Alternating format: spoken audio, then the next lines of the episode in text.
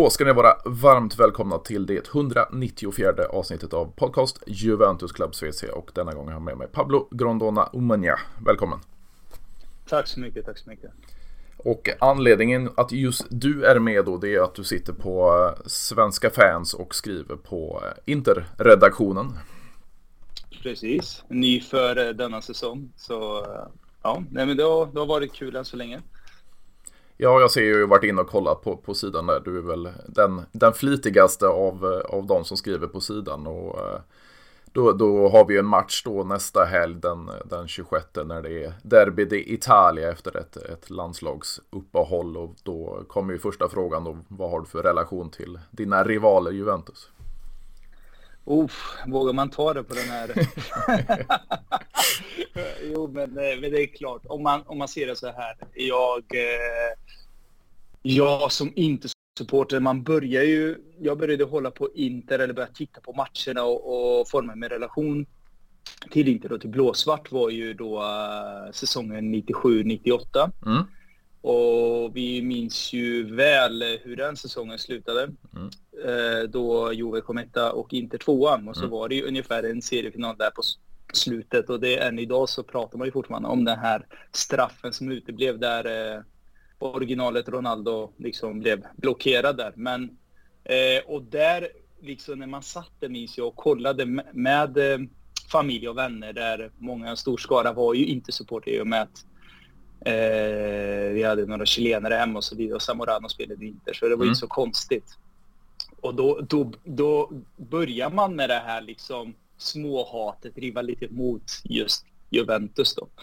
Så det har ju varit sedan dess då man har alltid sett oss som de största antagonisterna. Mm. Eh, även om Milan nu finns ju med i bilden givetvis och så, men det är fortfarande så här, Juventus har ju varit liksom det laget man liksom inte unnar någon framgång överhuvudtaget, typ som inte supporter. Mm. Om man ska vara helt ärlig så, så är det ju. Och jag tror att det är väl detsamma när det kommer till eh, Juventus-fans och känner gällande Inter, just framförallt efter eh, skandalen 2006. Så har det blivit så här extra liksom krydda just den. Eh, men det är väl den relationen jag har till Juventus just då när det, när det kommer till rivalitet. Just att eh, det är ett lag man verkligen inte kan unna någon framgång överhuvudtaget så. Hur tänker du kring, för det, det har ju varit en diskussion i diverse poddar det här med, med att ja, är du en calciofil och, och håller på ett lag i Italien så håller du även på andra italienska lag ute i Europa. Men mm. kan du säga att du håller, eller inte håller, men du vill att det ska gå bra för italienska lag ute i Europa förutom Juventus?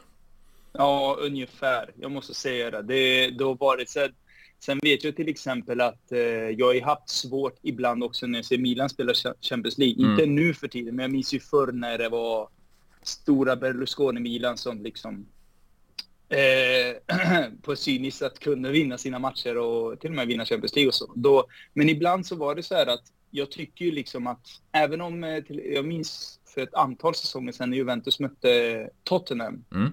i Champions League-slutspel. Så det var då jag kände den här känslan, för då var ju Inter, eh, det var ett, eh, typ ett mittenlag. Det var, men då kände jag så här, nej men då, det var då första jag kände, nej men det var bra att Juventus vann. Och det, jag, jag minns ju det här. Och du märker varför jag missade det. Ja, det kanske var den enda, det var den enda gången jag kände, men det är bra, för det är bra för italiensk fotboll. Eh, sen tog ju sig Juventus till två Champions League-finaler där också under den perioden. Och på något sätt så var det väl ändå, måste säga, jag vet kanske många inte-supportrar nu som kommer att säga vad, vad håller jag på med här? Men det är så här att jag tyckte det var tur ändå att de tog sig till final för att visa lite muskler. För att det var, alltså italiensk fotboll låg ju verkligen på dekis Absolut. under den tiden. Och inte bara från Interhåll, men det var ju bara Juventus som liksom spände musklerna där och liksom kunde visa sig stor, kunde visa sig big. Uh, nu som tur är så är det ju fler lag eh, och eh, som det ser ut just nu så tror jag väl att Juventus lever komma med Champions League nästa säsong också. Då, då är man ju med och då är man, man är med och räknar med om vi säger så. Ja, precis. Det, det kommer ju bli andra tider. Nu har vi, lik ni, haft eh, ett, några tuffa år och, och det hade ju även Milan efter Berlusconi-försäljningen. Det var ju tio säsonger utan Champions League för Milan. Nu har det ju inte gått mm. lika tufft för, för Juventus, men, men det har ju varit några år nu med, med liten svacka och så vidare. Men tar man sig tillbaks till, till eh, Champions League så kommer kapitalet in och då, då attraktionskraften finns ju fortfarande kvar så, så spelare kommer komma. Ja, precis. Det gör det. Och jag tycker liksom att eh, det var ju synd, även när vi också låter lite dumt från inte håll, men mm. synd att det där hände, hände förra säsongen. Just med att eh, Juventus blev av med sina 15 poäng och allt. För att det marknadsför ju inte Serie A så Nej. bra när man håller på så där. Dock vill man ju säga ändå, för att ge en liten känga till eh, Premier League där, att eh, är det så att man gör, eh, begår brott mot regelboken då straffas man ju. Eh, man önskar ju att andra ligor gör detsamma. Eh, så, och visa lite så här att eh, det, så att det inte blir bara snack och ingen verkstad. Eh, men jag tror nog att eh, både Juventus och andra lag som liksom ligger där och kanske småfifflar med siffrorna kanske skärper sig så här, du, vi ska nog inte hålla på med det här utan vi måste verkligen eh, försöka utveckla våra egna talanger i verksamheten och liksom och inte liksom på något sätt, inte för att vi kanske ska gå in på just den ekonomiska biten och vad var det egentligen som hände. Jag tror att ni har kanske mm, pratat absolut. om det tidigare, men, men eh, jag tycker väl liksom att det är bra på ett sätt också att ett lag som Juventus inte, ursäkta ord, men sket ner sig där, utan liksom utan eh, nej, men man behöll en stomme, man byggde på det och plockat in eh, inga större stjärnspelare, men ändå spelare som mm. kan leverera. Um, ja, nej, men eh, jag tror nog att det är bra att vi är på, på väg mot rätt riktning skulle jag säga. Tur att Milan vann mot PSG också, för det var mm. också lite så här, det börjar bli pinsamhetsstämpel där på kusinerna. Jo, men det känns ju lite så här om vi, vi tar den italienska fotbollen överlag så, så har det ju varit ganska tuffa tider. Sen fick vi ju se då förra säsongen, det var ganska många lag i, i semifinaler och finaler i, ute i våra europeiska kupper och så vidare. Men, men tar vi Champions League så var det väl kanske att det, det, det var en, en stark sida eh, av trädet i slutspelet och en, en lite svagare. Så, så det blev italienska lag som tog sig fram. Eh, vi fick ju se ert Inter i, i Champions League-final till exempel då mot, mot ett City. Och det, många var nog överens om att ni gjorde en jävligt bra match eh, mot, mot, mot City och så vidare. Men, men om vi tar den italienska fotbollen överlag tror du att man sakta men säkert börjat ta sig tillbaks? Inte till eh, kanske 90-talet men, att man ja, strävar efter att ta sig tillbaks och, och tampas mot, mot eh, Premier Leagues eh, pengar så att säga. Eh, ja, du frågar mig om jag, om jag mm. tror det. Mm. Ja, eh, jo, jo, men det, det, tror jag väl och målet är väl åtminstone, kanske om vi redan är där, men alltså vi är Serie A, näst bästa ligan i världen.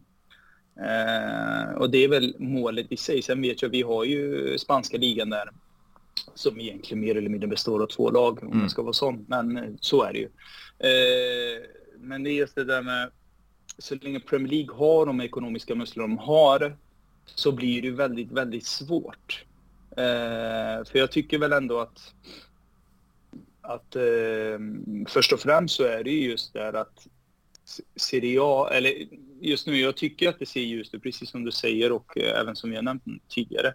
Och eh, jag tycker man gör rätt saker, framförallt att vi har eh, välutbildade sportchefer och även personer på rätt plats i olika klubbar i Serie A som agerar väldigt bra utifrån de, om det, de marginaler man har. Mm. Liksom så. För att vi, det är inte, jag menar, även ett lag som Fulham kan punga ut en halv miljard för en spelare. Liksom, de har ju de musklerna för att de får ett saftigt kontrakt när de eh, får eh, spela Premier League en mm. säsong. Mm. Jag menar, var det inte så, nu kan du kanske rätta mig om jag fel, men är det inte så till exempel att räddar du upp ett eh, Premier League-kontrakt som, som bottenlag så får du mer än Serie A-vinnaren? Jo, det, det lär stämma och det är även det här med, med en så kallad fallskärm. Åker du i Premier League så ska du få en fallskärm för att du ska ta dig upp direkt. Fallskärm, ja. Det låter fint. Vart kom det in? Ja, fotbollens värld. Alltså, framförallt så är det ju Premier League. De, eh, men det är väl också, ja men de, det finns ju en dokumentär ute, jag tror det var på SVT där, just gällande när Premier League lever Premier League. Mm, mm. Från att gå till eh, sparka fotboll, alla division 4 i Sverige, till att bli det powerhouse man är idag. Eh, och det är intressant just med allt från marknadsföringshåll, sälja kontrakt, tv-rättigheter och så liksom bygga upp mm. just det här varumärket och göra de här klubbarna eh, snuskigt rika. Och eh, ja, men det är just det, därför jag har inte direkt under min livstid i alla fall, även om jag betraktar mig som relativt ung då, men att jag vet inte om jag kommer se ett italienska ligan som ekonomiskt starkare än Premier League. Eller eh, ja, jag, jag, jag, tror inte det. Men däremot så att ha italienska lag som kommer långt varje säsong i de europeiska kupperna, mm. det är ju en stor framgång och det hoppas jag att det fortsätter att hålla i sig också. För det så förra året var det inte, det var ju tre italienska lag i finalerna liksom där i de här. Tyvärr så var det ingen som gick vinnande ur då, men Nej. ändå, det visar ju liksom för att, som jag nämnde förut, när Juventus var eh, under eh, Allegri-tiden, där första, eh, under hans första session då, så mm. eh, var det ju två finaler. Eh, och det är, ju, det är ju jättebra, men det är bara ett lag. Det var ju bara ett lag. Eh, Medan alla andra liksom var ja, riktigt pinsamma. Men, ja, men det är, är, är steg, alltså ett bra steg i rätt riktning.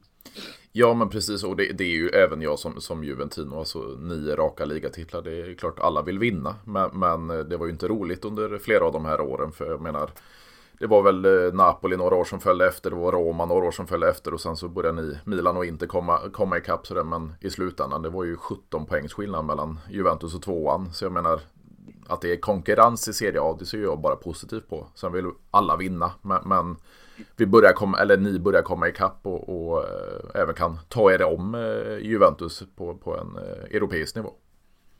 Ja, ja precis. Att äh, vara en prenumerant på ja, Champions League är det väl målet och det är väl också när, när jag innan det här med Financial Fair Play kom in och så och jag såg ju liksom Moratti pumpa in miljarder just mm, i mm. spelarköp och, det, det tog, och man var ju väldigt ung och, och, tänkte väl inte så mycket på just företaget, ekonomin, Nej. att klubben blöder och så vidare och sen eh, sen hela det eh, stålbadet kom för många italienska lag eh, och även mitt Inter där som mm. fick eh, eh, liksom sälja av många ja, trippelvinnande personer och stjärnor och stabila spelare för att ta in Belfodil och Sliti Taider där som skulle styra skutan. Kuzmanovic, äh, det här är ju bara liksom, jag tänker på det, är bara magsår. Alltså det är, är inga fina, och då kommer jag ihåg att Juventus verkligen med Marotta i rodret där plockade in Conte. Nu var det lite förebygge innan då Conte mm. men just när han kom in och började plocka in så, som jag minns ju det här väl när han tog in Businic där och eh, vad var det, Quagliarella var ju där och mm. liksom och sen Pirlo som man trodde var ganska eh, trött då. Eh, och så Vidal för en billig peng och då tänkte jag, vad håller Juventus på med? Vadå big? Och det, ja, men man fick ju checka upp varenda ord där. De, han asfalterade ju hela Serie A, det var ju Conte och hela bygget liksom. En riktig maskin och sen dess har det ju rullat på, även som du säger att vinna nio, att vi vinna scudetto nio gånger i rad och det är bra för konkurrensen och så, men samtidigt var det ju liksom så här att de, de ska inte be om ursäkt Juventus därför Nej, att de gjorde allting inte. rätt. Allting rätt medan alla andra gjorde typ fel. Det var... Ja, men man skötte det precis som skulle göra. Jag vet inte vem av er som skrev den här krönikan om eh, just uh, när hela ledningen fick gå i Juventus. Och man började prata om just ekonomin. Vad var det som ledde till att uh, mm, mm. Det, det blev så illa? Och det tyckte jag var en väldigt bra skriven artikel av vem det nu var. Kommer inte ihåg. Det låter som men Mikael ju... Noaksson. Ja, det, men det var ju väldigt, det var ju väldigt bra och det just det där vad hände med kanske någon form av girighet exempelvis från mm. några personer som kände att vi måste satsa ännu högre när man ändå gjorde allting rätt. Men ändå, jag vet, jag vet inte, jag ska, vi kanske inte ska gå in där, men du förstår vad jag menar. Ja, just det där att, att eh, vad är nästa steg? Ja, men vi tar in eh, Cristiano Ronaldo här och sen kanske det ena ledde till det andra och sen blir det bara, ja, när det ändå gick bra innan. Ja, precis. Och det känns ju en av de här felstegen. För, för man kan säga mycket om, om eh, André Angelis arbete. Alltså kommer in 2010. Vi har fått en, en egen arena, högkvarter, träningsanläggning och allting runt omkring. Vi har ett damlag, vi har ett, ett B-lag och så vidare. Han gjorde extremt mycket för Juventus. Men när det kom det här till, till Ronaldo-värvningen eh, och eh, byta av logga och ja, allt därtill och sen kom Super League givetvis. Så det kändes som lite som han, han grävde sin egen grav herr Agnelli. Mm. Ja, det gjorde han. Nu vet du inte vad han håller på med. All, han ingår ju fortfarande i ägarfamiljen men, men uh, han är ju inte involverad i, i Juventus rent uh, praktiskt så att säga. Uh, och det är, ju, det är ju kusin Jan Elkan då som är VD, ex, eller VD för Exor. Så det är ju han som lite styr uppifrån. Men i och med att man har bytt ut hela, hela styrelsen så, så ser det ju väldigt annorlunda ut. Men nu har man ju tagit, eh, tagit sig ifrån The Super League och, och vill inte vara involverad i det och jag tror det är rätt väg att gå. Att man, man, eh, man rättar in sig i ledet, man har förhandlat fram det här att man, man uteslöts då från eh, Conference League. Så nu, nu startar man på ett, ett rent blad helt enkelt och, och, och eh, tar sig till en Champions League-plats nästa säsong. Och ekonomin ser bättre ut och så vidare. Så det, det, det är ett stort steg framåt. Mm. Jo, det, det förstår jag. Och eh, just det med... Eh, jag tycker ändå liksom initiativet av Super League när det presenterades och sånt där. Inte för att, alltså, där blev det så här, klart man är som någon form av fotbollsromantiker så ville man ju kvar Champions League. Mm, men sen mm. förstår jag själva grundtanken att starta igång nu. Jag tyckte det var bra att pressa just eh, Uefa där ja, väldigt absolut. mycket för att liksom, så att själva effekten vad det gav, liksom att man pressar dem var ju bra. Men nu var ju tvungen, Juventus tvungna att backa där, precis som du nämner, just att man rättar in sig i led, just för att man är inte i den positionen att hålla på och liksom pressa. Just nu så kanske man ska bara liksom fokusera på eget och det är det, det, är det jag tror att med, nu kan det ju vara så att, nu, nu spekulerar jag bara, mm. det, det är väl det mesta jag gör, men just det där att i och med det lugnet och den eh, liksom utgångspunkt, tydliga utgångspunkt man har som klubb att men nu vet vi var vi står. Vi behåller Allegri trots att han fick skäll från alla håll och kanter förra säsongen. Så, så är det att man behåller honom, man behåller stommen och en ny ledning och nu har vi ett tydligt mål och det är liksom att ta oss tillbaka till liksom, så. Det är väl det jag kan tänka mig att det är det som är från Juventus håll, man vill ta sig tillbaka till eh, Europa och bli och till och med kanske till och med vinna ligan. Man är ju bara två poäng bakom nu och eh, skulle det vara en vinst för Juventus på söndag så går man ju om Inter med en poäng och med tanke på hur Juventus spelar eh, så är det ju också en fotboll som är väldigt, ja men den är vägvinnande. Man vill säga vad man vill om mm. den, men den är ju vägvinnande. Den är väldigt eh, cynisk så det skriker om den, men det, det är ju Ja, men då, då eh, vi kanske kommer in senare mm. just när det kommer till den taktiska biten eller vad man tror om matchen.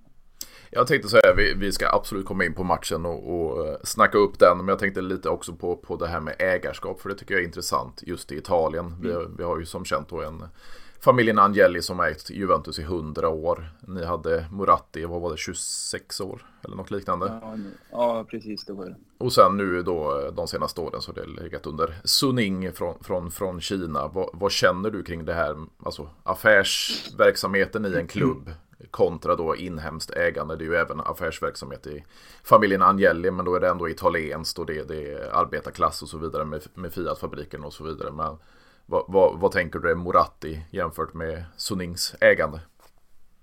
Moratti, han har ju uttryckt det själv många gånger, men han hade ju väldigt mycket, eh, lite för mycket hjärta för klubben. Mm. Det innebär ju liksom, även de här anekdoterna som har dragits och sånt där, just det där eh, värvandet av eh, fenomenet Ronaldo, riktiga Ronaldo då, när han värvades till Inter för de pengarna och vad han sa till sin fru där att när frugan sa hur kan du lägga så mycket pengar på en fotbollsspel när det finns barn som svälter eller om mm, det var något, mm. något i den stilen. Och så sa han, ja men liksom.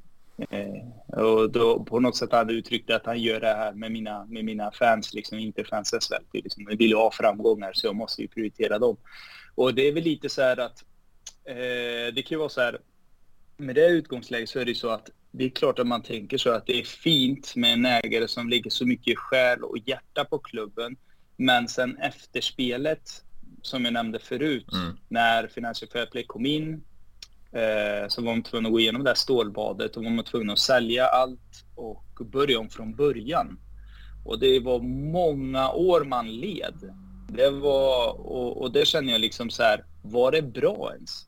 Att ha en president som hade för mycket hjärta för klubben och mindre tänk på liksom företaget. För let's face it, det är ju ingen allsvensk klubb utan och det är just det där att Eh, det är ett företag som måste gå i vinst, för annars är det ju Konke är ju ett företag. Det är bara så enkelt som det mm. är mm. och det blödde ju så mycket pengar.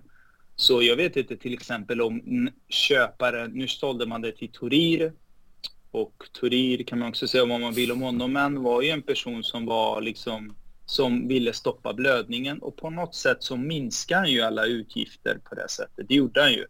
Men eh, det var ingen eh, en, en, president som bara nu kommer vi in och pumpar in miljarder, nu ska vi sikta på så här. Det var ju mer att eh, rädda företaget och sälja det.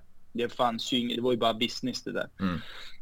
Och sen kommer Soning som är eh, också mycket, mycket business. Men däremot så ändå uppskattar jag engagemanget som finns där. Sen vet jag att många, många italienare med många Calcio-fans som känner att att helst ska det vara inhemskt ägande, framförallt just från Juventus håll, för man själv råkar ha italienare mm. som styr klubben.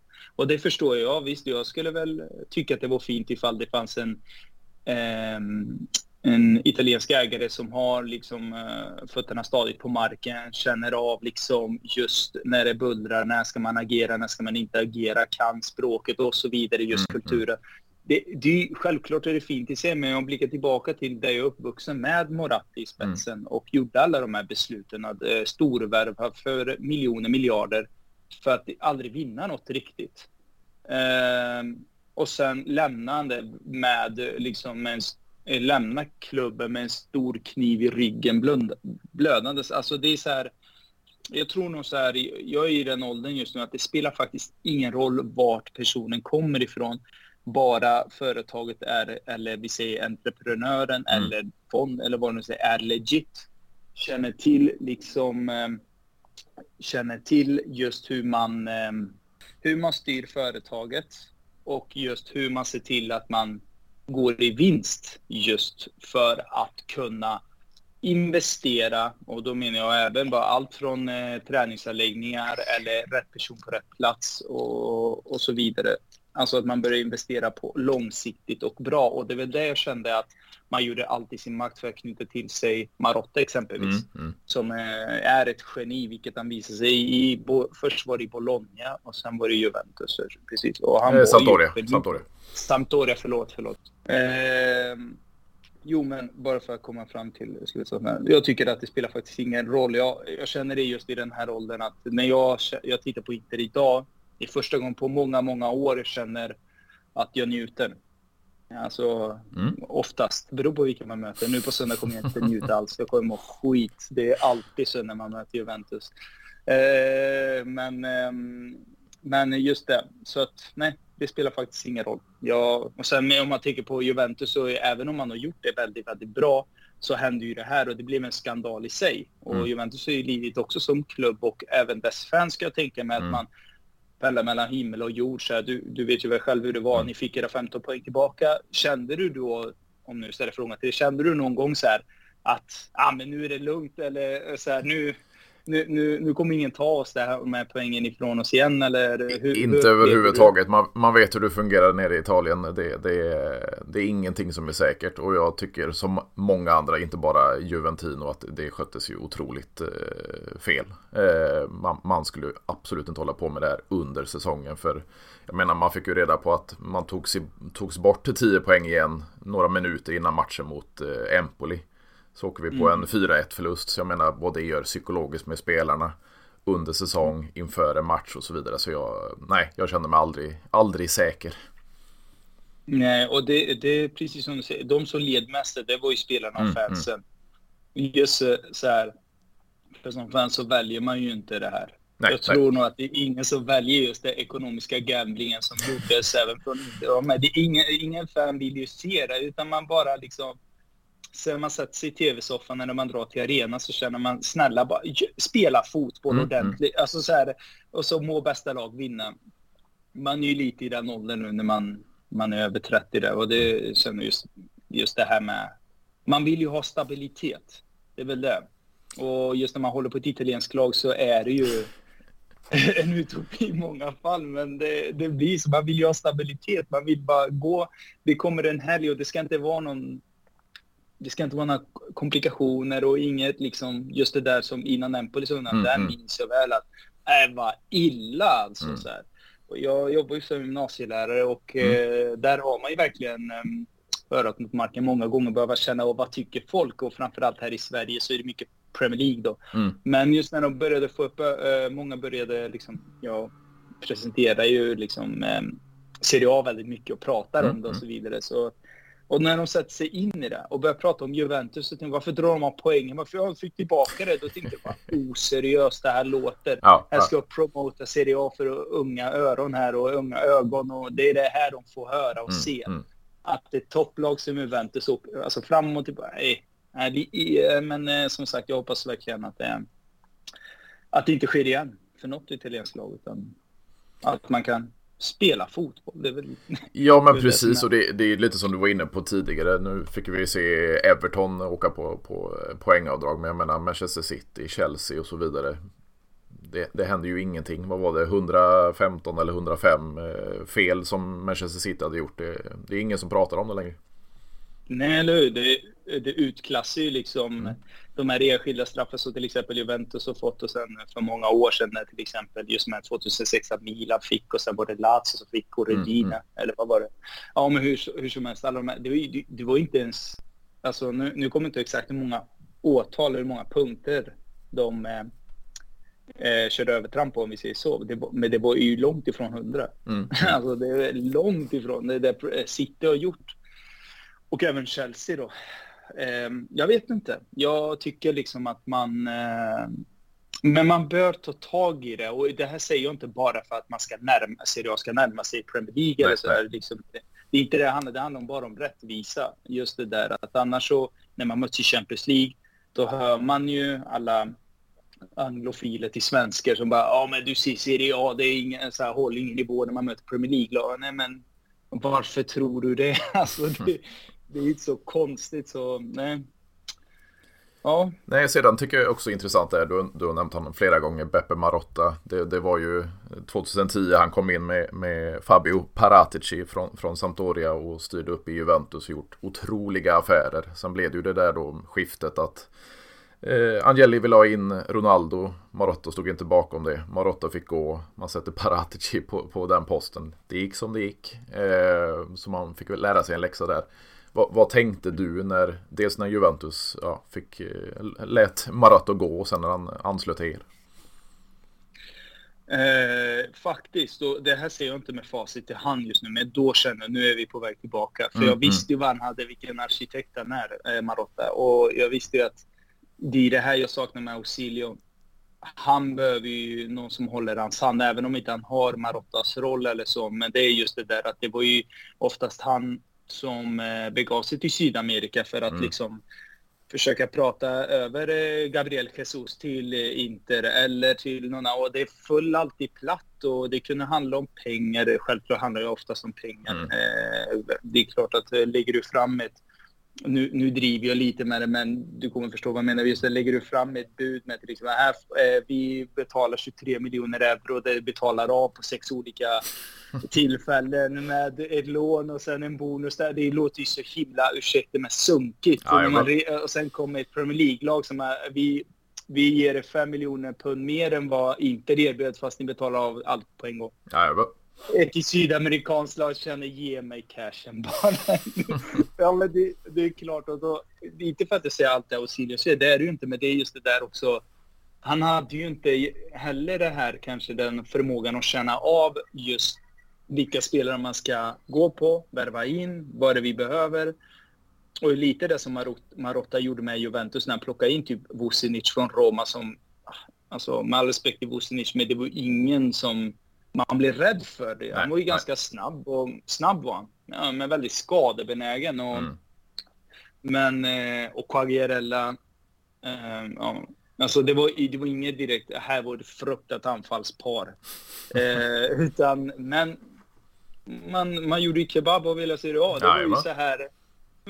Och det blev så, vad, vad var det som hände här? Och det, då tänkte man, vad, vad, vad hände här? Vi har ju du är Milito här och han är borta ett halvår. Och sen har du så liksom, visst de är gamla men du, du ska ju ändå kunna prestera nu 32-33 år gammal känner jag. Eh, och det var just det, Juventus gjorde ju så, alltså de gjorde det klockrent i så många säsonger och efter att det så tog man in Tevez för en liten summa pengar och inte mm. mycket. Han var ju överlägset bästa anfallaren i Premier League. Mm. Eh, tog in, gjorde också vad han ville. Eh, sen fortsatte det bara rulla på. Ma, eh, inte för att jag tycker, Morato har jag alltid tyckt är en ganska extremt medioker lirare, men en bra spelare att ha som, hur ska jag säga, han rör sig väldigt bra på mm, plan mm. så att han skapar mycket ytor. Han är ju väldigt företagsam om man säger så. Absolut. Och det är väl just det som vi andra spekulanter och fans liksom dissar. Det Marotta, det är ju det han säger. Nej men man kan ju använda spelaren på det här sättet mm. eller så eller si och då tillsammans med tränaren givetvis så bygger man ett, ett slagkraftigt lag. Så när man tog in honom och då börjar man få in de här, det märker man ju nu när han plockar in typ Mkhitaryan. Det var också lite så här, vad ska han göra på ett, alltså så här. Mm, mm. Men han har ju varit många gånger Inters bästa mittfältare eller spelare överhuvudtaget. Alltså han gör det. Så att, och det där är också så här. Just hur han plockar in alla de här pusselbitarna. Försvinner en lirare, tar in en ny mycket billigare och gör det, inte för att de eh, skulle säga att Dumfries är bättre än Hakimi, inte det jag menar, men gör det bra. Alltså mm. så här, det blöder ju inte. Så um, nej, jag, jag kände direkt att nu, nu kommer vi bygga och nu kommer vi bygga för att vinna. Eh, så att det var den bästa värvningen som gjorts på flera säsonger. Just det är Marotta till Inter. Jag tänker också med... Inte...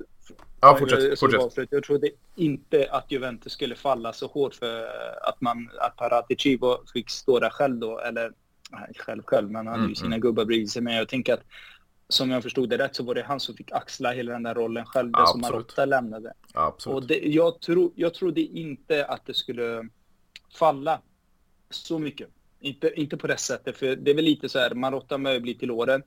Eh, Ausilio kommer väl ta över och då hoppas jag inte det blir en sån effekt heller, att helt plötsligt börjar man värva för extremt mycket pengar och gör konstiga affärer mm. och så ja, hamnar man där, man, där Juventus hamnar lite där i för några säsonger sedan. Då.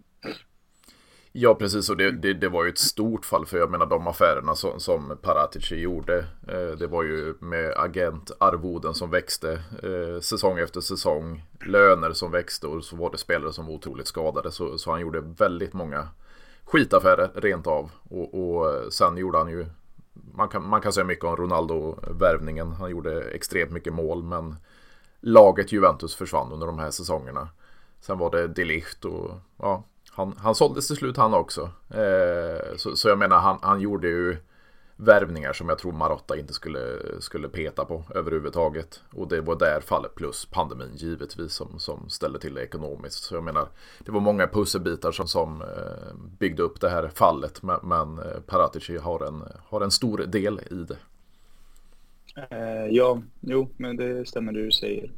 Eh, ja, och sen eh, ja, man, man trodde väl på förhand så med Delikt, eh, väldigt bra mittback. Eh, och eh, även att man hade, vad han nu igen? Det, det, var också lite så här, nu vet jag inte vad han som tog det beslutet, men det måste ha varit en stor roll i det. Eh, just med att ta in, vad heter han nu igen, Lazios tränare. Sarri. Sarri. Sarri, ja precis. Man tog in honom som huvudtränare också. Mm, lite mm. så här lite så emot eh, filosofin som Juventus har haft. Väldigt emot. Eh, men däremot, jag måste säga så här om jag ska titta på Juventus under den tiden när de mötte inte båda de mm, gångerna. Mm. De vann ju så... Alltså de spelade ju en väldigt fin fotboll. Mm, eh, Juventus. Så det var lite så här också med mycket kortpassningsspel och bollinnehav och liksom... Eh, de slog inte båda gångerna och väldigt så här, matchen igenom rättvist. Mm. Annars så brukar man känna så här, det här kan ju gå fram och tillbaka och så vidare. Att det är väldigt ojämnt på förhand, man vet inte och sen när man ser matchen, det kan sluta hur som helst. Men inte då, för att det var också att man kunde titta på det och man kände, nej, Juventus var för bra. De spelar för bra. Det är för, liksom, det är ett väldigt kompetent eh, eh, speluppbyggnad, anfallsspel, mm. rörelser, eh, när passen ska slås, när du inte ska slå den, när du backar hem. Alltså hela hur laget... Eh, man blev lite så här, alltså det, det här är ju ett emot just det som mm, Juventus mm. har varit innan, eller det jag är uppvuxen med att se. Det här, men eh, om man vann ligan i men det var just det där också att man kände att eh, sen han fick gå och så, så är det så. Ja, men man kände, då märkte man att klubben var lite vilsen.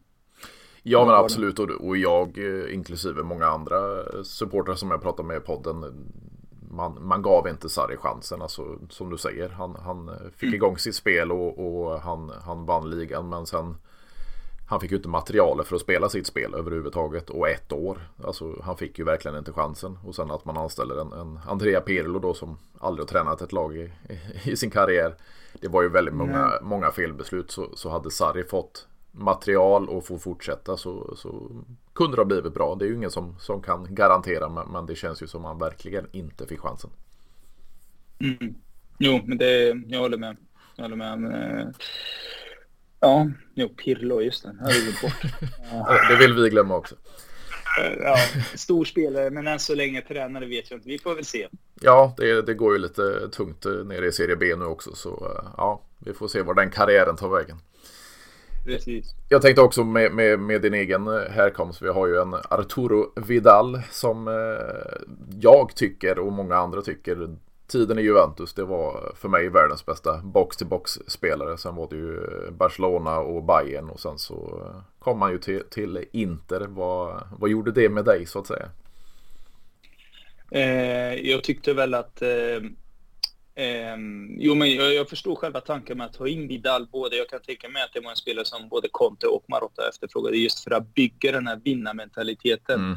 Och jag var ju en, eh, hejade ju på Vidal när han var den chilenska landslagsdressen mm. och eh, liksom eh, och älskade verkligen det han eh, representerade. Både just där, just vinnarskallementaliteten han hade i chilenska landslaget. Att, och varje duell både det med brut, alltså att han kunde spela väldigt brutalt men mm. ibland väldigt så här med mycket furbo liksom mm. så är det just att eh, jag älskade ju hans, allt han representerade. Så att jag kände ju hela tiden att jag kan inte se honom i en svartvit dress. Han måste dra därifrån mm. just för hur likeable han blir för mig. Så därför jag avgudade honom just mm, där. Mm. Men han spelade Juventus som var likadan. Han är en sån vinnarskalle ut i fingerspetsarna. Och jag förstod nog att det var det som de ville, de ville få med in i, i själva laget. Jo, men, eh, eh, jo, men det var ju så här att, hur ska jag säga, Jo, men det var den här vinnars, eh, vinnarskallen och, vinnarmentaliteten som ville få in i klubben. Men jag måste ju ändå säga liksom att lite eh, fiaskostämpel blev det ju i intersektionen. Mm, mm. Men jag tror att det kunde varit väldigt mycket av det typ omklädningsrumssnacket som var bidrog att han, hur han kunde liksom eh, mana på sina spelare för han var ju en av få just i det omklädningsrummet hans första tid som hade vunnit Serie A. Mm. Hade vunnit Copa America, han hade ju vunnit saker. De andra lirarna där på den tiden, eh, just när Conte de hade ju inte vunnit något. Så att eh, jag tror nog att eh, han var bra att han tog, det var bra att han tog sig in till Inter, framförallt för en väldigt billig peng, men eh, spelmässigt, det, var, det gjorde lite ont att se att han hade blivit så extremt långsam. Mm, mm. Och eh, i, både i tanken, men även i, liksom, i handlingarna. Det är som att hans kropp inte följde med riktigt. Så jag, jag förstod inte det. Man, han tappade mycket boll och det som blev den brutala sanningen att se på, det var ju när de mötte Liverpool där.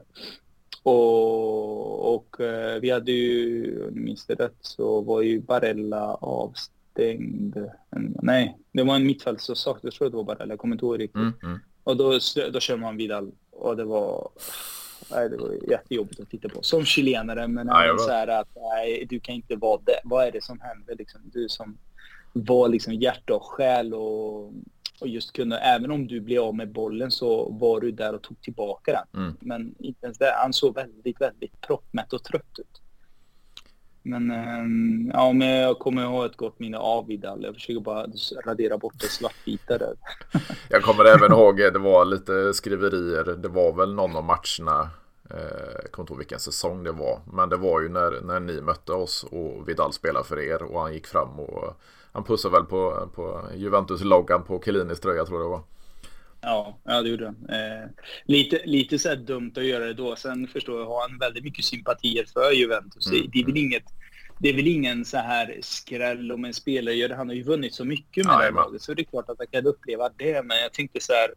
Jag kommer ihåg ursäkten han drog efteråt. Så här, eh, nej, men vadå? Men hela världen såg vad du gjorde. Det var ju så. Varför kan inte du, kan inte du gå in i katakomberna? Precis, precis. Eller liksom så. Det, men eh, det, var, ja, det blev skriverier, det kommer jag ihåg. Eh, sen var det en som gjorde det vinnande målet där. Mm, Nu kommer mm. jag inte ihåg exakt om det var den matchen, men han gjorde ju 1-0. Eh, och det blev väl... Nu ska jag komma ihåg, du blandade ihop dem. Eller var det den matchen blev 2 Nej, det var den som blev 1 Ja, jag tror det. Och, Mm. och det var hans mål. Och han ville ju inte ens fira målet heller. Nej, så nej. man fattar ju liksom att det är... Um, jo, men... Han är ju... Eh, man förstår ju vart hans hjärta är. Även om man liksom valde och tog beslutet att gå till eh, en av eh, Juventus största rivaler, eller kanske den största då. Mm. Vad, vad, vad tänkte du tvärtom där med, med en Antonio Conte då som är ändå en Juventus-legend hos många och, och skördade stora framgångar även som, som tränare och sen så kom han till, eh, till ditt inte. Och det är väl så här, jag vet att många var lite kritiska och även idag är jag väldigt kritiska. Men jag kände då lite det här med åldern. Hade jag varit 17-18 år hade jag inte gillat det. Och då, man har ju känslorna utanpå och så vidare. Men har man eh, liksom varit med om just att man har lidit så himla mycket.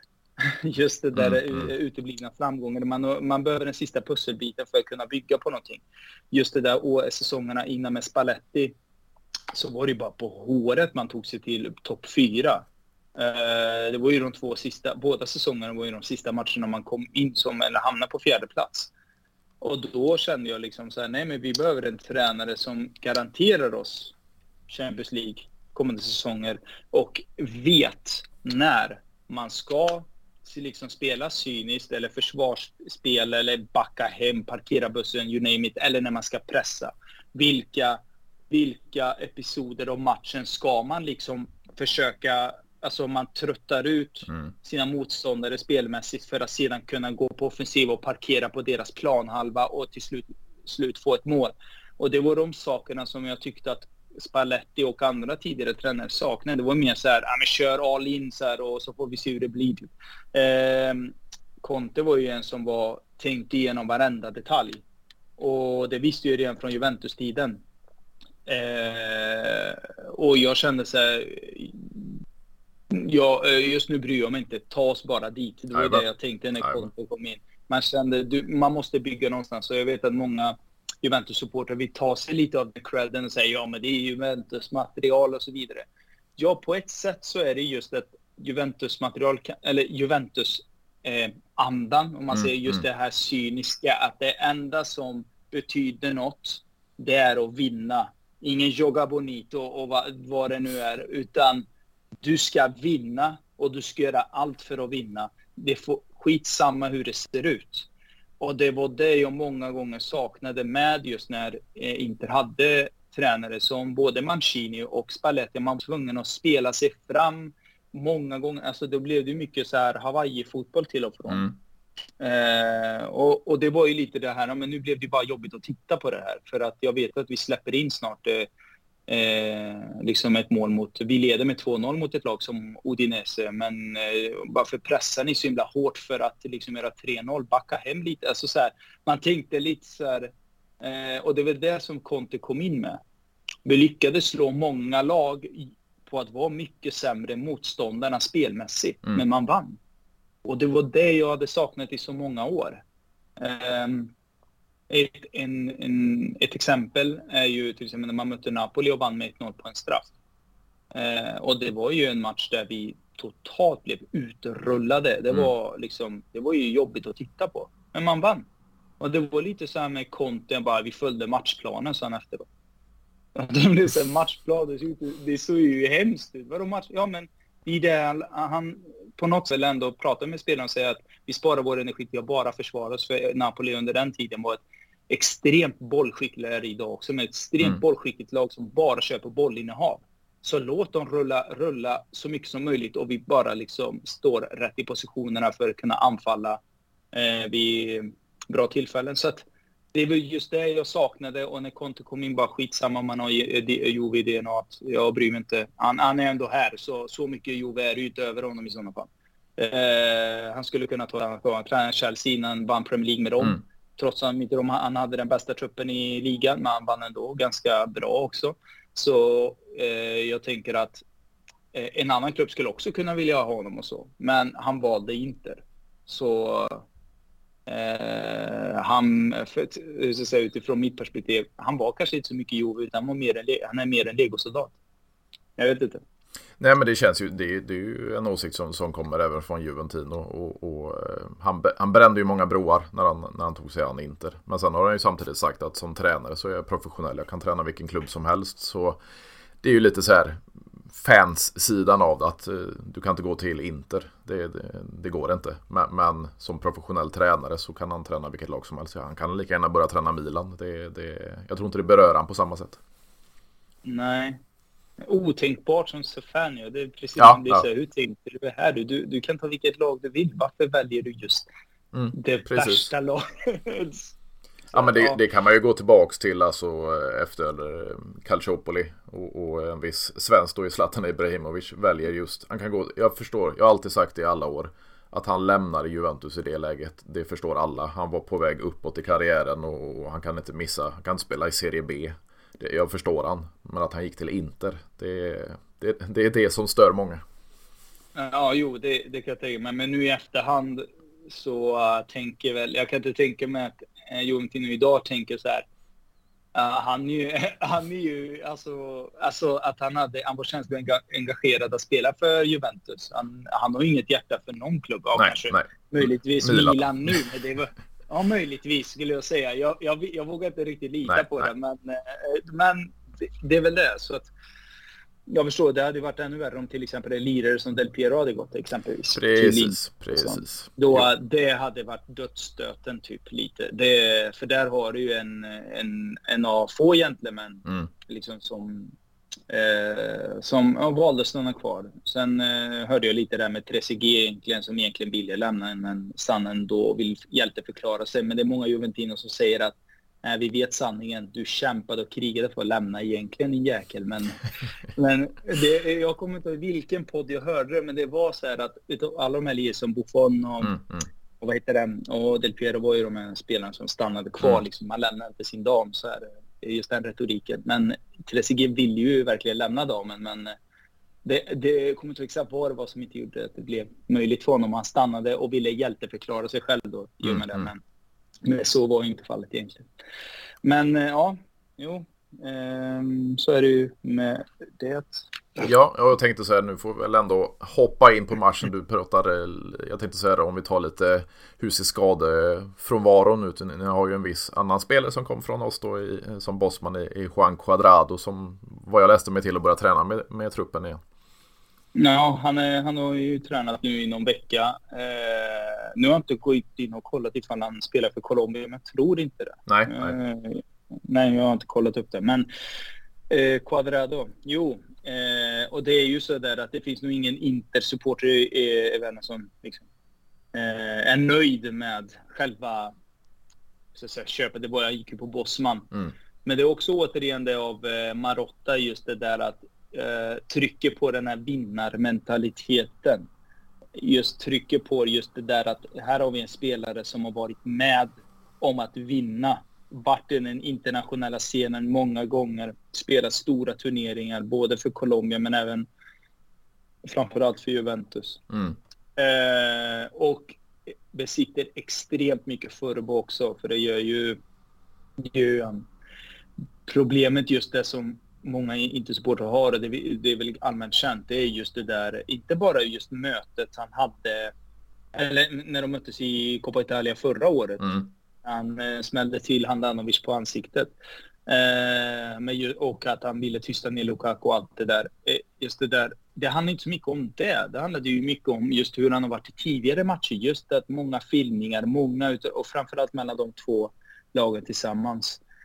Att han retat gallfeber verkligen på, mm. eh, på Interspelarna och framförallt på fansen och alla danser och målen och så vidare. Just det där att, men det är ju klart att har du som en spelare som Quadrado har spelat i, i, hos antagonisten i så många säsonger och har den personligheten han har så är det klart att det kommer ju, det kommer ju uppmärksammas av supportrarna givetvis. Och i det här fallet på ett negativt sätt. Nu är det så att man har förlikat sig lite med tanken att han är i laget. Men han har ju inte gjort något heller. Han har ju Nej. varit skadad hela tiden. Så uh, vi får ju se. Uh, jag vet inte om han kommer till spel nu på uh, mot Juventus. jag skulle säga att det vore väldigt välkommet med tanke på att Parvar är skadad. Mm. Och, man, och Bisek har ju bara gjort egentligen en halvlek mer eller mindre så. mot Salzburg. så att den högerkanten är väldigt fragil just nu. Den är mm. väldigt känslig.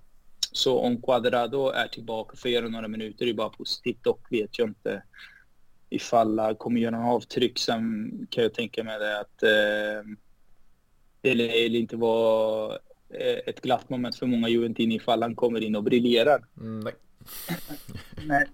nej. Hur känner du kring det då, att han drog just till Inter?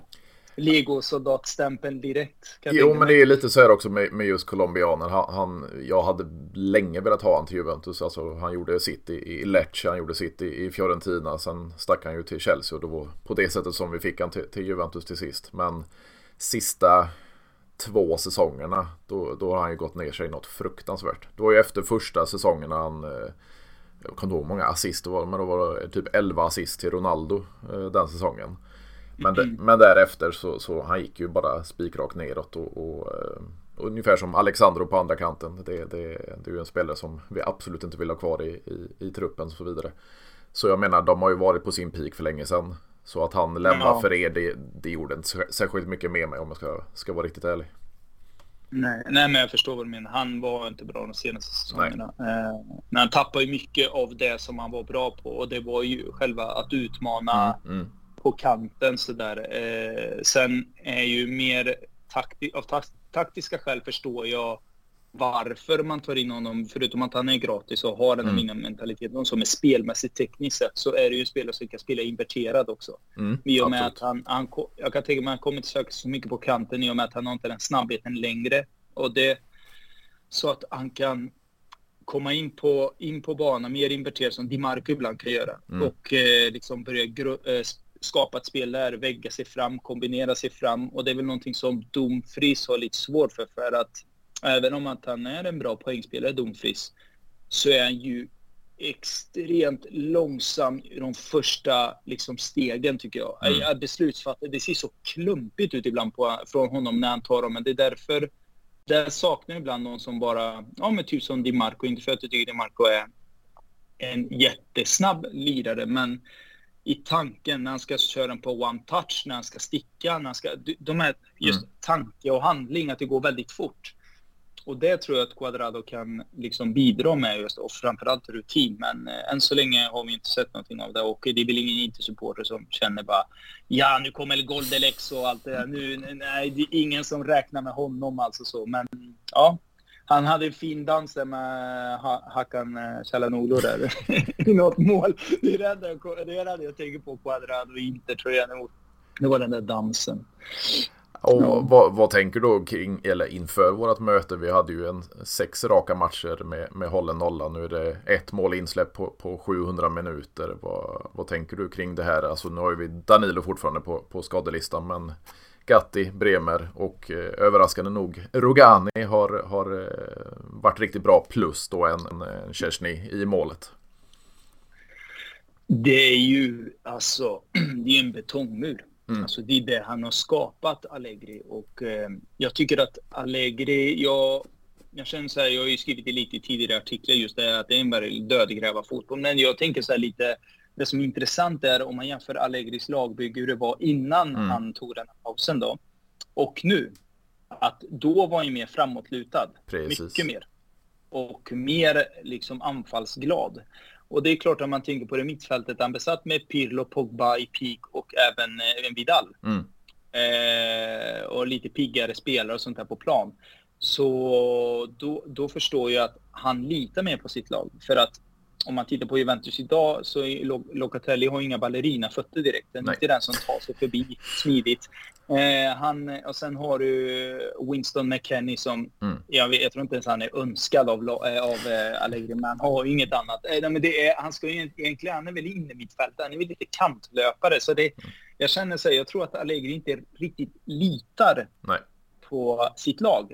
Han, så han tänker, jag tänker inte liksom bli sparkad från den här truppen för att jag sitter med ett ganska så här, jag ska säga, jag ska inte säga otekniskt spelarmaterial, men ett spelarmaterial som inte tillåter mig att, att liksom flytta fram positionerna så mycket under matcherna. Mm. Eh, och eh, det tycker jag liksom att han har ju koncentrerat sig väldigt mycket på defensiven. Och det, det är ju, visar ju bara att Allegri är ju en taktiker utan dess like och en taktiker som har haft det här målet, just det där att vi ska vinna på, vi måste vinna, det spelar ingen roll hur vi gör det. Mm. För jag kan inte, eh, jag, som jag sa förut, du spelar upp bollen på mittfältet, då Rabiot som är en bra lirare, tycker han är bra. Eh, och så har du Locatelli och eh, den tredje mittfältaren har ju varit, eh, vad heter han? Miretti. Miretti, just det, så Men det är inga spelare, det är inga spelare som ska liksom parkera på motståndarens planhalva och börja diktera liksom nej, nej. anfallsspel. Det går inte att, och, att, du, att du kör Moise Keen, mm. eller Ken, som är, mm. om, om, du kör med honom. Det är inte heller någon eh, en lirare som liksom snabb, så att säga, han är ju snabb i en, i en, i en raksträcka så. Mm, mm. Men han är ju mer fysisk. Mm. Så det är klart att eh, det som att eh, köra ut... Jag, jag, jag, jag har väldigt svårt att tänka mig att han skulle köra en typ en taktik med 4-3-3 eller 4-2-3-1. Mm. Där han eh, liksom pressar väldigt mycket och har eh, eh, till exempel kanske med Vlahovic och Chiesa som verkligen tydliga eh, speldirigenter mot eh, ja, men typ större lag. Ja, mm. Så jag tror nog så här att eh, han på söndag, även om Juventus spelar på hemmaplan, Eh, och eh, har hela alltså, stödet bakom sig mm. och så. Så kommer det ju inte vara någon, eh, någon framåtlutad eh, fotbollsmatch från hans sida. Eh, eller Inter är ju ett lag som, eh, som man kan ju säga mycket om Isai, så han har gjort det väldigt bra, men fortfarande kan vara väldigt naiv ibland. Mm. Eh, och det med, med naiv, det är att han, han kör all in ibland, så här, total anfallsfotboll. Eh, vilket då visar sig vara väldigt vägvinnande, absolut. Men ibland så får man lida i onödan. Och det tror jag att Juventus har en fördel.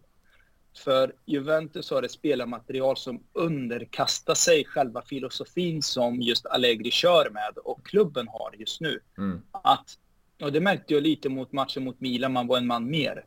Eh, jag kommer inte ihåg vem som hade bollen, det var Ruga. Nej, det var inte Eller så, kommer inte ihåg riktigt, men det var ju mm. mittback. Istället för att, jag såg ju så här, om jag spelar i mitten nu, tänkte jag så här. Nej, jag tjongar upp den. Mm. Varför? Mm. Mm. Och, så är det, och, det, och, sen, och det hände ju så många gånger, ni är en man ner. Men jag fattar ju själva grejen. Jag fattar även varför han sliter av sig rocken, eh, Allegri, sen, eh, trots med en 1-0-ledning och flippar där vid sidlinjen.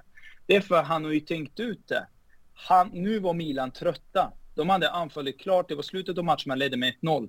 Nu pressar ni och nu gör ni 2-0 och liksom eh, går för strupen än. Eh, och så lyckades man inte göra 2-0, men man vann matchen ändå. Nej, men eh, du förstår vad jag menar. Det är just det där, den typen av taktik jag kör med. Trött, och det är den kommer köra med Inter också. Trötta ut motståndarna så mycket som du kan. Köra slut på dem så att de inte orkar mer. Och sen go for the kill. Alltså, Eh, eh, det är ingen idé liksom att eh, pressa Inter så långt bak och liksom eh, försöka liksom parkera på den eh, planhalvan. Eh, jag tror inte det, att det blir så. Jag tror att de kommer köra ungefär liknande taktik som de körde med, mot Milan. Um, och det är väl för att det har visat sig vara vägvinnande och att här handlar det egentligen om att vinna, inte om att demonstrera att vi spelar bäst fotboll, utan det handlar om att vinna helt enkelt. Ja, och det är just det här som är intressant med, med just Derbyt i Italia de senaste säsongerna. För, för om det var förra säsongen, vi pressade högt och vi låg på varenda jävla andra boll. Jag kommer om det var första halvlek som vi låg på. och sen gick till försvar. Så jag menar, det, det är som du säger, Allegri är inte säker på sina spelare så han kan inte köra på den fotbollen överhuvudtaget. Så det är lite som, om det var förra veckans gäst eller förrförra. förra det, det, skulle inte förvåna om det blir 25-75 i, i bollinnehav och vi ligger på försvar mm. och så kontrar vi in som du säger, lägger den dödliga stöten och så vinner vi med mm. 1-0 bara. Mm. Och det, det, är det jag tror att eh, det har ju visat sig liksom. Jag tycker från mitt perspektiv så är det, vinner Inter på söndag så är ju, då har man ju visat sig vara bäst. Och mm, eh, det finns absolut. ju inget mot, motmedel mot att eh, liksom Inter, även om man går på någon plump då och då, typ mot Sassuolo och sånt där. Men det är just att den taktiken som Juventus kör med är den som kan knäcka Inter och det är det jag är rädd för.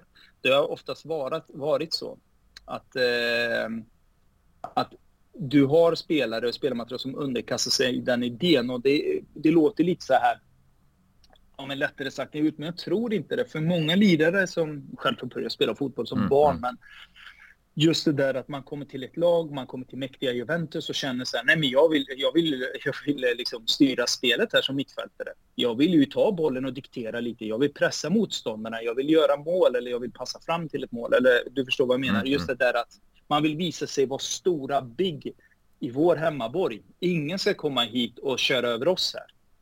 Men när du har spelare som till exempel Bremer, eh, då Gatti och Rogani nu som är på nytt född. Typ. Mm. Eh, då Chesney som har varit med ett tag och sen har du Locatelli och du har liksom även andra lirare som är med på det till 100 procent mm. och dör för den taktiken. För i slutändan så har det visat sig vara vägvinnande. Det hade varit något annat ifall man eh, förlorade mot Milan eller liksom åkte på stryk mot Fiorentina där. Alltså då hade man ju, då hade man känt, nej då tror ju inte spelarna på idén. Man, och, eh, och det är det jag tror att den övertygelsen spelarna har i Juventus är att de kan köra hela linan ut, alltså hela mm, matchen mm. ut mot Inter. Och det är just det att eh, eh, det, det, är väl där jag tror att det kan knäcka Inters eh, liksom mentalitet under matchen, att man känner man orkar inte mer. Eh, eh orkar inte liksom driva den här intensiteten längre. Så det tror jag och hoppas att eh, Inzaghi, han har ju lärt sig lite av det också, det här cyniska också. För han har inte varit så här som de förra säsongerna där han har bara pressat på.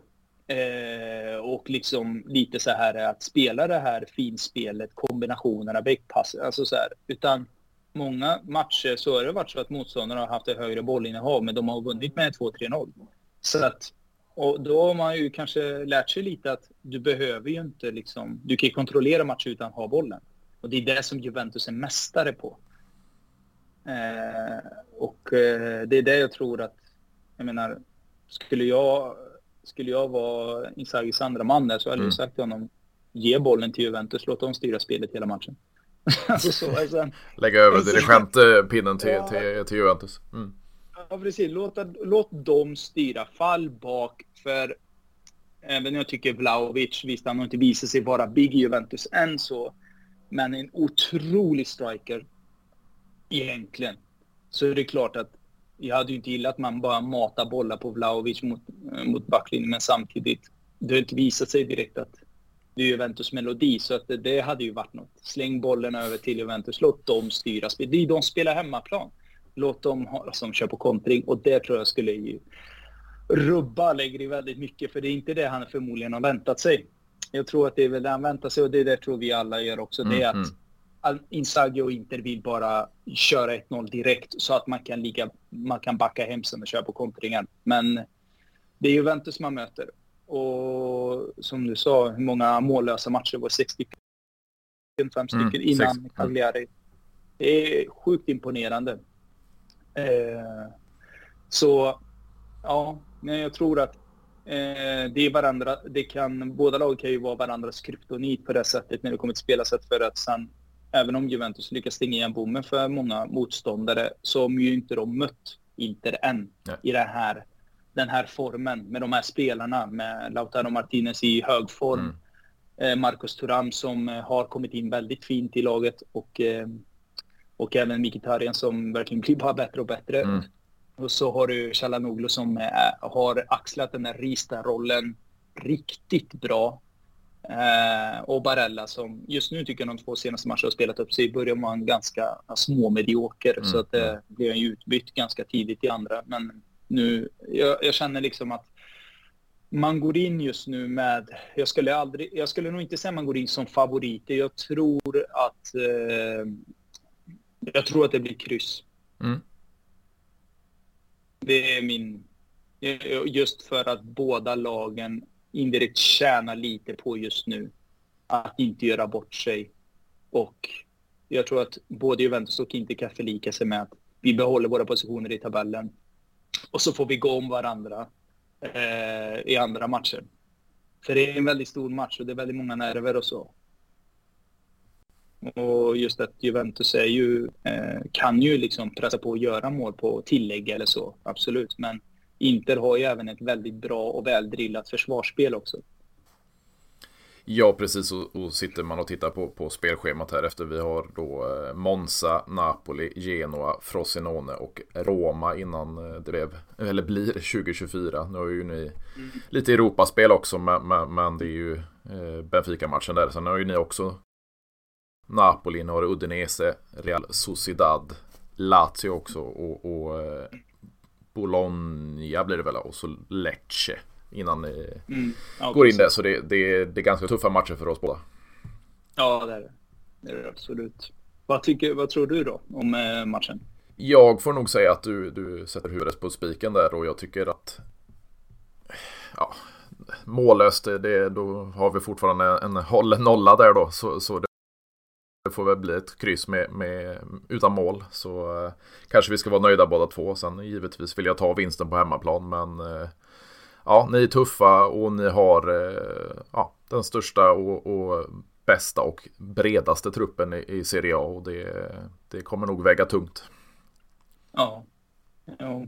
Men eh, hur känner du, eh, bara för att liksom vi mm, pratar mm. om just det här eh, känslomässiga delen just som supporter man ska bänka sig framför. När börjar, är det så här som Juventino lite så här eh, som tidig Milanist också kan mm, relatera till det. Men just det där, känner du lugn hela matchen igenom att vi löser det här?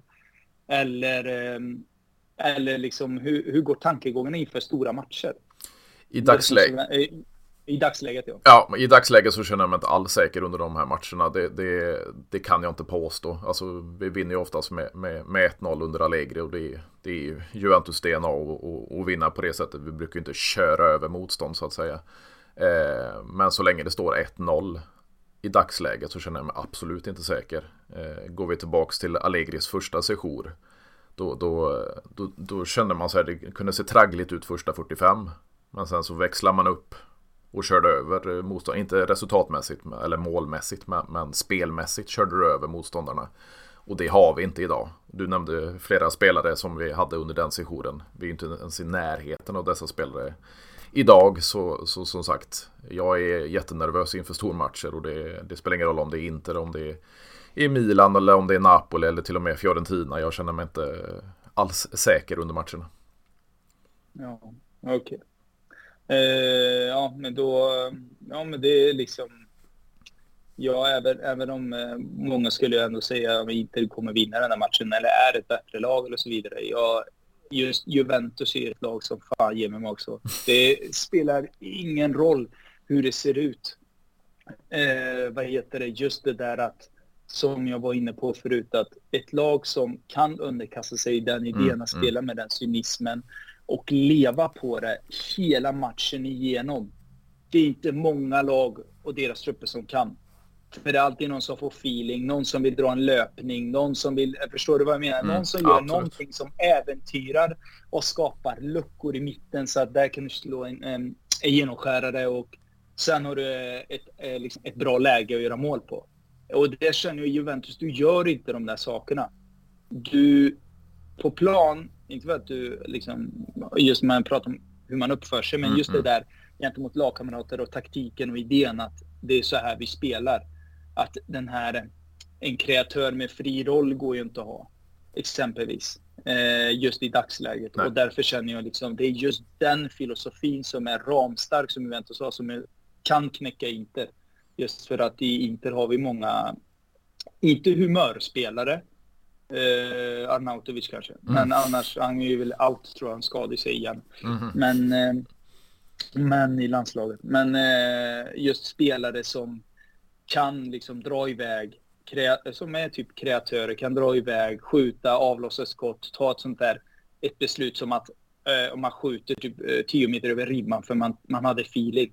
Förstår du? Och, det, mm, och så mm. tänker de kanske, men det kommer ett nytt läge snart, för det har du gjort alla andra matcher. Ja, nej, men nu möter man Juventus, så du kan inte förvänta dig att du kommer igenom mitten så många gånger. Och det är väl det jag, därför önskar jag att Inzaghi bara körde med samma typ av tänkande. Nej men, eh, låt dem styra spelet, låt dem ha bollen. Vi, vi, vi parkerar här och eh, kör kontringar. Och medan du och jag pratar om det, så vet vi liksom att det är 0-0 matchen om vi ser på förhand att man skulle ta det. Mm. Tänk dig om det till exempel City och Chelsea-fans innan förra matchen när det blev 4-4, om de tänkte sådär. Det, det är lite precis, ett annat mindset precis. tror jag. Nu har jag inte hört på, äh, fans prata om det på det sättet just till exempel från Premier League då. Nej. Men att ta lika på förhand 0-0 vet jag inte om många hade gått med på. Nej, nej, nej, nej, nej för fan. Det är bara här man gör det. För man yeah. vet hur det kan bli, det är det. Precis, precis. Jag, jag minns ju bara sådana här, eh, vad var det, 7-1 matcher mot Sao Sol och, och sådana här matcher. Man, man, eh, det, är ingen som ser på förhand att det ska, ska skena iväg på det sättet. Och, och det är lite som du säger när vi sitter och pratar mållöst och 0-0. Det kan lika gärna bli 3-0 mm. till något av lagen då. Ja, precis. Jo, men det, det kan ju bli. Sen eh, som du var inne på förut, att eh, just att Juventus är ju lite så här, även om man känner sig mycket bättre och starkare än motståndarna så är det väldigt sällan man kör över sina mm, motståndare mm. spelmässigt. Och jag tror att det har mycket med det att göra att de det är den här filosofin och idén de har, för de vill inte äventyra. Den viktigaste är att vinna och inte liksom hellre vinna 1-0 än att liksom kanske vinna med 3-0. Alltså så är det, det är mer att vinsten är det som gäller. Precis. Eh, sen eh, ja, får vi se, Kesa gjorde ju mål nu, två gånger om. Jajamän, på några minuter. Nordmark, ja, så han, är, han har alltid varit livsfarlig. Alltid också en sån här, när han har bollen och kommer på kanten, bara nej, nu blir det jobbigt liksom. Hjärtat börjar slå lite hårdare och sånt där.